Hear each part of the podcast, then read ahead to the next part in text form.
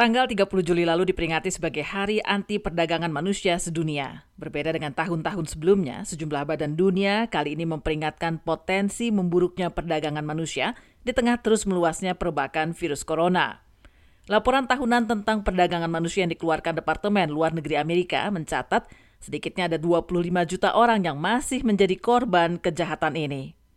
Kelompok Koordinasi Antar Lembaga Menentang Perdagangan Orang ICAT, salah satu platform antar badan utama PBB yang terdiri dari 26 entitas dan organisasi internasional, telah menggarisbawahi pentingnya upaya global untuk menanggapi krisis yang belum pernah terjadi sebelumnya ini, sambil sekaligus mengembangkan tanggapan terkoordinasi untuk mencegah terjadinya perdagangan manusia dan melindungi para penyintas.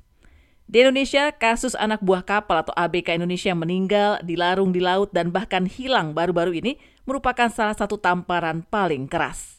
Diwawancarai melalui telepon Sabtu malam, Direktur Eksekutif Migrant Care Wahyu Susilo mengatakan, sektor perikanan, perkebunan kelapa sawit, dan rumah tangga memang merupakan sektor paling rentan terjadinya perdagangan manusia. Tiga sektor yang selama ini dianggap sebagai sektor paling rentan dalam perdagangan manusia atau perbudakan modern terhadap warga negara Indonesia itu misalnya sektor perikanan, sektor kelapa sawit, dan sektor di pekerja rumah tangga.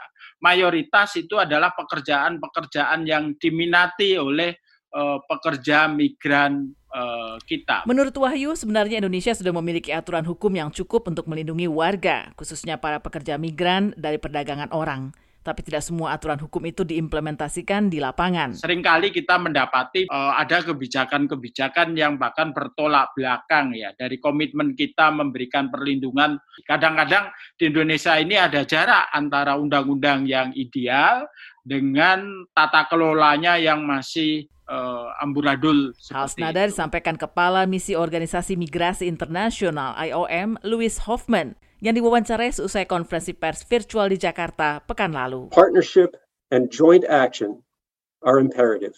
Untuk dapat mencapai target menekan angka perdagangan orang, kemitraan dengan semua pihak merupakan suatu keniscayaan. Ini mencakup kerjasama erat dengan aparat penegak hukum, sektor swasta, serikat buruh, badan yang melakukan rekrutmen tenaga kerja, hingga badan yang mengawasi pengiriman tenaga kerja. Jika sebelum pandemi kerjasama ini sudah dilakukan, maka kini harus lebih ditingkatkan lagi. Di Amerika, sejak tahun 2010 ada pelatihan khusus bagi para supir truk untuk mengenali tanda-tanda korban perdagangan manusia, cara yang aman untuk berkomunikasi dengan korban, dan nomor telepon yang dapat memberi tanggapan cepat. Latihan dan komunikasi intensif semakin ditingkatkan pada masa pandemi karena para supir truk adalah satu-satunya yang tetap diizinkan melakukan perjalanan darat antar negara bagian dan bahkan antar negara ketika berbagai kebijakan pembatasan terkait COVID-19 diberlakukan. Truckers Against Trafficking tetap bergerak dan bahkan memperluas cakupan mereka hingga ke Kanada. Awal Juli lalu, organisasi maskapai penerbangan sipil internasional ICAO juga mengambil langkah penting untuk mencegah perdagangan manusia dengan memberikan pelatihan online yang lebih khusus bagi para awak pesawat terbang. Bekerja sama dengan Komisioner Tinggi Urusan Hak Asasi Manusia, pelatihan online ini mengajarkan teknik mengenali dan sekaligus membantu korban perdagangan manusia.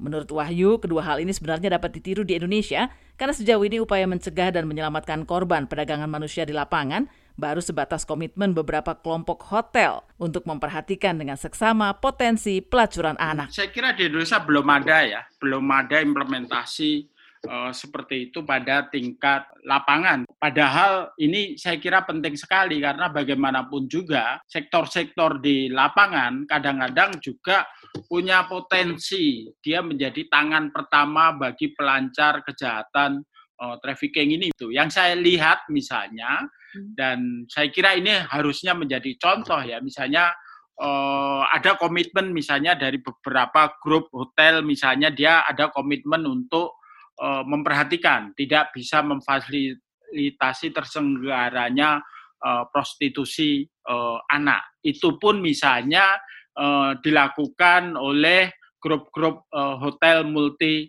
uh, nasional. Padahal misalnya kejahatan-kejahatan itu uh, terjadi pada tingkat-tingkat uh, lokal di mana misalnya bisnisnya adalah bisnis-bisnis uh, lokal. Pandemi virus corona telah menghambat upaya mengidentifikasi, mencegah, dan memberantas perdagangan manusia karena sebagian besar sumber daya penegakan hukum dan anggaran dialihkan untuk menangani perebakan COVID-19.